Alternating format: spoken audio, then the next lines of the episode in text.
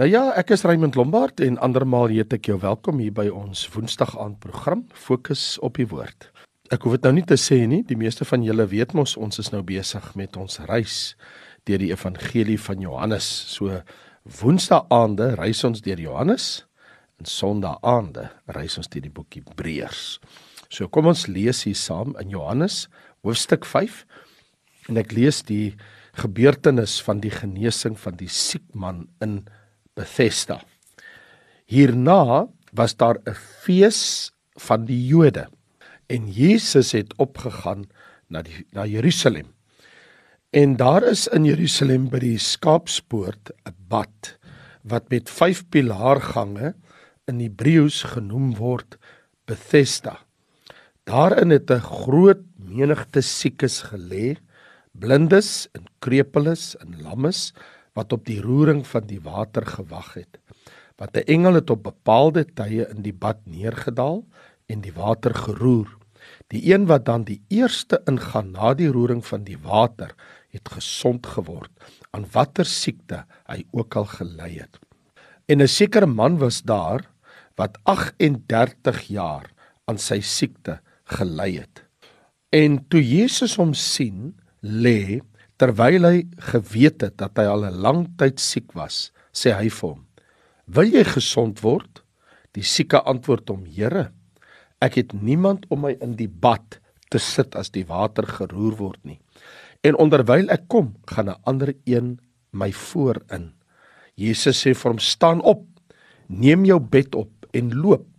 En dadelik het die man gesond geword en sy bed opgeneem en geloop. En daardie dag was dit Sabbat. Die Jode sê toe vir hom wat genees was: "Dit is Sabbat.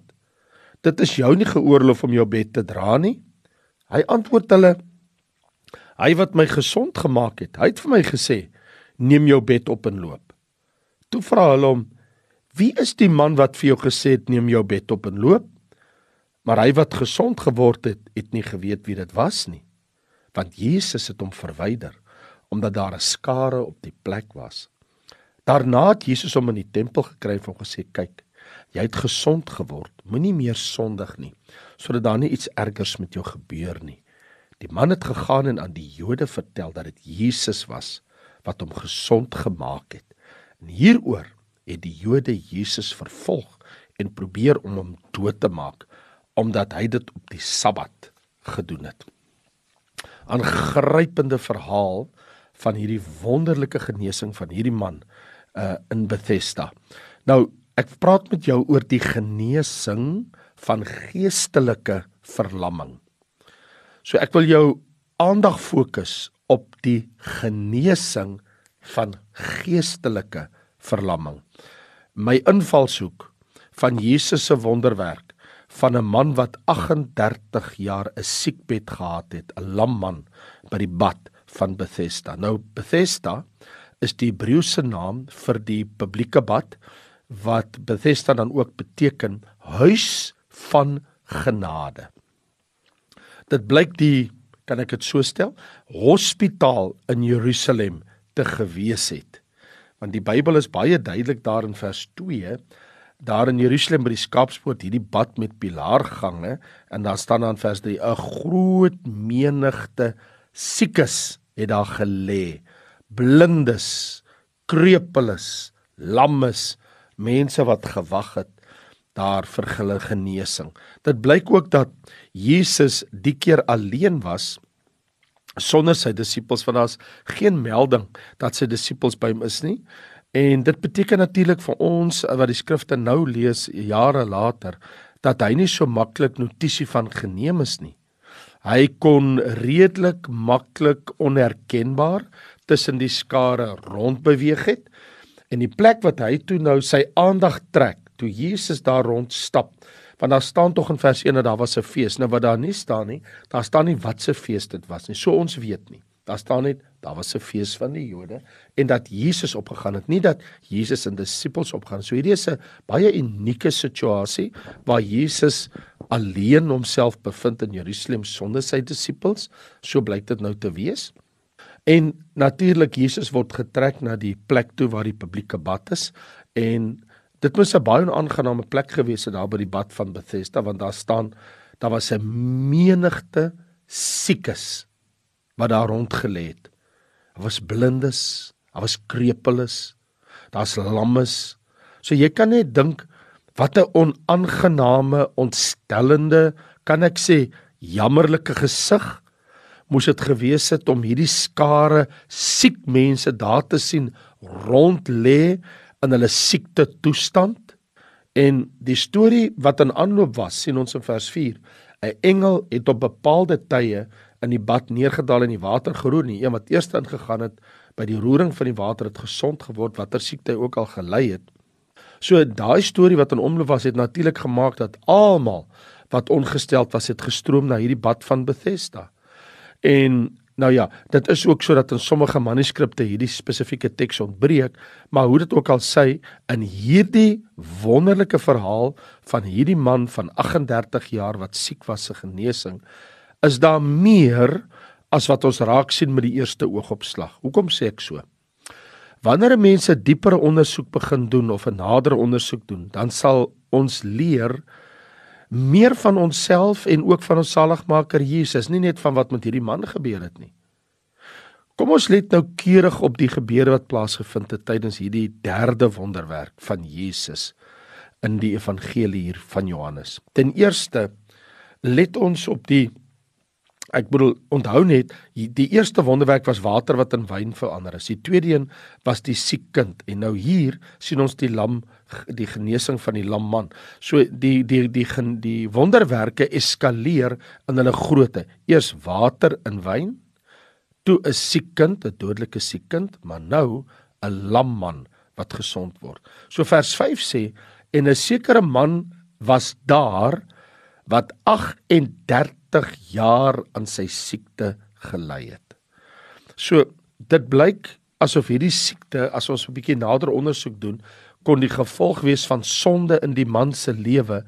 Vreemd soos wat dit mag klink want vers 14 sê daarom het Jesus hom in die tempel gekry en gesê kyk jy het gesond geword. Moenie meer sondig nie sodat daar nie iets ergers met jou gebeur nie. So sonde kom hierdie siekte ook 'n lang pad in hierdie man se lewe. Ek bedoel menslik gesproke is hy nou verby hoop. Al wat vir 'n sondaar oorbly, die enigste allerlaaste hoop vir 'n sondaar is tog seker die genade van God. En hierdie man bevind hom by die huis van genade, Bethesda, want dit is ons Bethesda beteken huis van genade. Wanneer ons op hierdie nederige situasie van hierdie eh, man let, dan sien ons en 'n sekere man was daar. Waar? Daar. Waar is die daar? Daar tussen die blindes, die krepeles, die lammes, die elendiges, die siekes, die wagtendes. Dis waar hierdie man is.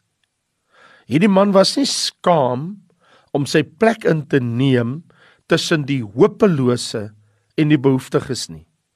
Want jy sien indien hy sou geweier het om hierdie vernederende stap te neem en om by hulle te skaar, sou hy nooit gehelp gewees het nie.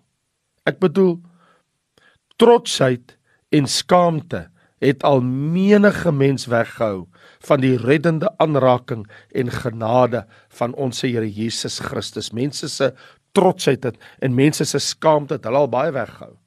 Maar God sê nog steeds aan baie: "Hoe lank sal julle nog weier om julle te verneder?" Onthou jy daar in Lukas hoofstuk 18 was dit dan nou juis die tollenaar wat sy plek ingeneem het waar hy in Lukas 18 sien ons vers 13 op sy bors geslaan het en wou sy oë neus na die hemel ophef en sê o God wees my sondaar genadig.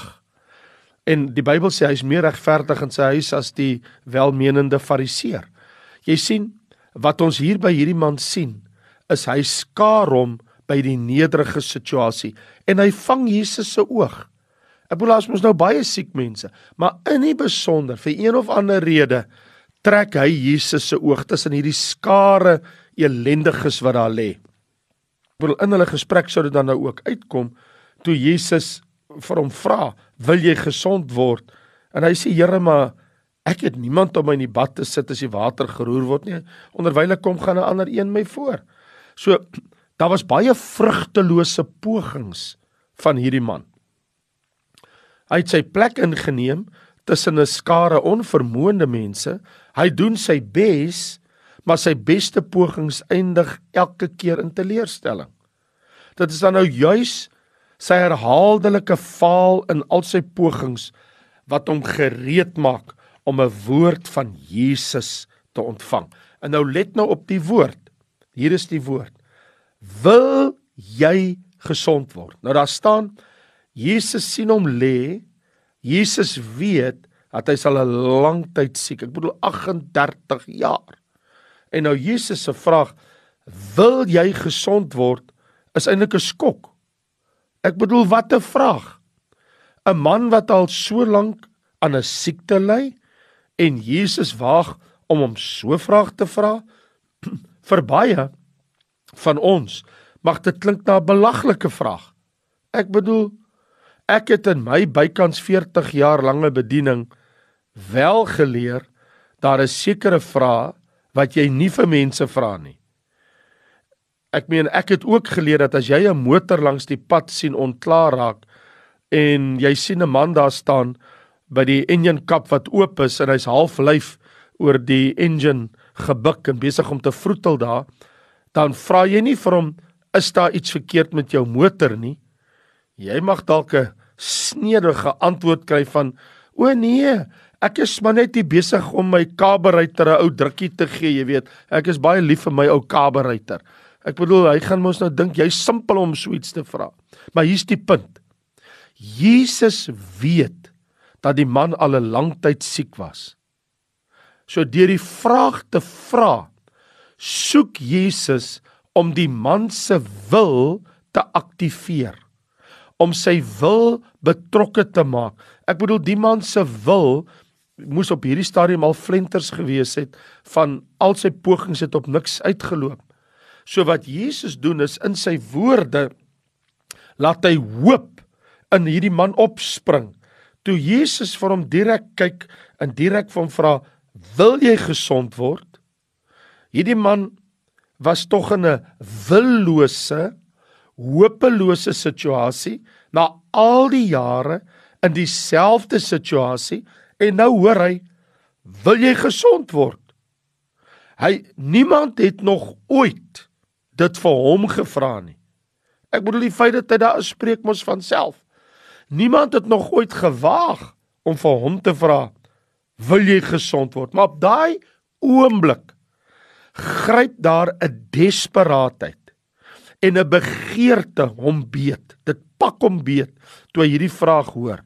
En nou is dit ook so dat in sommige se gevalle mag hulle siekte hulle ontvlugting wees van hulle verantwoordelikhede. Dit gebeur ook, né? Of Die siekte maak dat hulle kry al die aandag wat hulle andersins nooit sou gekry het nie. So wat ook al die man se situasie was, een ding is verseker. In sy antwoord aan Jesus, toe hy sê: "Here, ek het niemand om in die bad te sit nie as die water geroer word nie. Terwyl ek wil ingaan, gaan 'n ander een my voor. Ek is fisies hopeloos. Ek is hulpeloos. Ek het geen vriende meer nie. Ander mense gaan my voor. Niks niks werk vir my nie. Een ding sien ons. Ten spyte van al die man se teleurstellings, hy bly by die bad van Bethesda in verwagting van genesing. Hy's nog steeds daar elke oggend. So Jesus beveel hom. Daar kom 'n bevel uit Jesus se mond uit. Staan op. Neem jou bed op en loop. Alles het so vinnig plaasgevind hierdie oproep, hierdie bevel van Jesus se kant moes hierdie man so getref het met 'n verrassende skielikheid. Jy sien daar's altyd hierdie onverklaarbare iets omtrent die persoon en woord van die Here Jesus Christus. Want wat ons hier sien is 'n skielike verandering Ek bedoel vers 9 sê in soveel woorde vir ons en dadelik het die man gesond geword en sy bed opgeneem en geloop. Na 38 jaar spring hy op sy voete. Hy hoor die woord. Hy glo die woord. Hy handel op die woord. Hy ontvang sy genesing. Sy heling was oombliklik en volkome. En nou tree hy op as 'n vreeslose getuie. Ek bedoel vers 14 sê toe Jesus hom sien, toe sê Jesus vir hom: "Hoor, ek wil jou net waarsku." Want ek hoor jy praat met die mense en want jy's op die Sabbat gesond geword. Sê vers 14, Jesus vind hierdie man in die tempel. Nou, wat maak hy in die tempel? Daarna het Jesus hom in die tempel gekry. Nie by die bad van Bethesda nie, nie by die huis van genade nie. Nou is hy in die tempel. So wat maak hierdie man in die tempel? Wel hy loop rond en hy dank God. Sekerlik wil hy vir God dankie sê. Maar Jesus is bewus van die man se sondige verlede. Jesus is besorg nie net oor sy fisiese gesondheid nie, maar oor sy geestelike gesondheid. En Jesus sê vir hom: "Kyk, jy het gesond geword. Moenie meer sondig nie, sodat daar nie iets ergers met jou gebeur nie." Die man sou later uitvind toe Jesus 'n paar honderd meter van die bad van Bethesda aan die kruis hang dat ons ons sonde moet haat en met die sonde moet breek want sonde breek God se hart. En die grootste bewys daarvan is sy seun wat sterf aan 'n kruis paar honderd meter van die tempel 'n paar honderd meter van die pad van Bethesda. So wat het sonde vergifnis God nie gekos? Die kruis van sy seun Jesus Christus. En nou dat hierdie man met Jesus in die tempel gespreek het bely hy openlik aan die Jode dat dit Jesus was wat hom gesond gemaak het. Want in vers 15 die man het gegaan en die Jode vertel dat dit Jesus was. Nou bely hy Jesus openlik. Hierdie man is genees nie net van fisiese lamheid nie maar geestelike lamheid. Want hoe lank sal mense nog in hulle sonde voortploeter? Hoeveel jaar nog voordat hulle besef in hulle as hulle in hulle sonde sterwe dat daar iets baie ergers met hulle sal gebeur want hulle moet gaan betaal daarvoor in 'n ewige hel. Staan daar dan nie geskrywe in Openbaring 20 en as dit bevind is dat iemand nie opgeskryf was in die boek van die lewe nie is hy in die poel van vuur gewerp. Jy sien ons naam kan alleenlik in hierdie boek vir ewig word indien ons sonde vergewe is. Jesus haat sonde Hy het die eens lam man gewaarsku. Hy waarsku ook vir my en vir jou. Moenie meer sondig nie. Hoekom? Want sonde bring 'n geestelike verlamming in jou verhouding met God en ook met mense. Hierdie dinge laat my dink aan Martin Luther die hervormer wat een aand gaan slaap. Maar hy was baie besorg oor sy eie sonde en hy het in die bed rondgerol vir 'n lang tyd en uiteindelik raak Martin Luther aan die slaap. En die aand droom hy. En in sy droom sien hy 'n engel staan by 'n swart bord. En bo aan die swart bord staan sy naam, Martin Luther. Die engel het kruit in sy hand gehad. En met die kruit in sy hand is hy besig om 'n lys te maak uit te skryf van al Luther se sondes. En die lys is besig om die hele swart bord te vul. Soos wat Luther dit aanskou, sidder hy in wanhoop. En die gevoel wat hom beetpak op daai oomblik is een van my sondes is net te veel. Dit kan nooit vergewe word nie. In die volgende oomblik in sy droom sien hy 'n deurboorde hand wat oor die lys die woorde skrywe: Die bloed van Jesus Christus sy seun reinig ons van alle sonde. 1 Johannes 1:7. En die verligting pak hom beet. En terwyl hy so na die woorde kyk, Terwyl Luther so in verwondering bly kyk, sien hy bloed vloei uit die deurboorde hand wat besig was om te skrywe en dit was die hele swart bord skoon. Amen. Want jy sien dit is wat Jesus vir ons doen. Dis wat hy vir ons kan doen.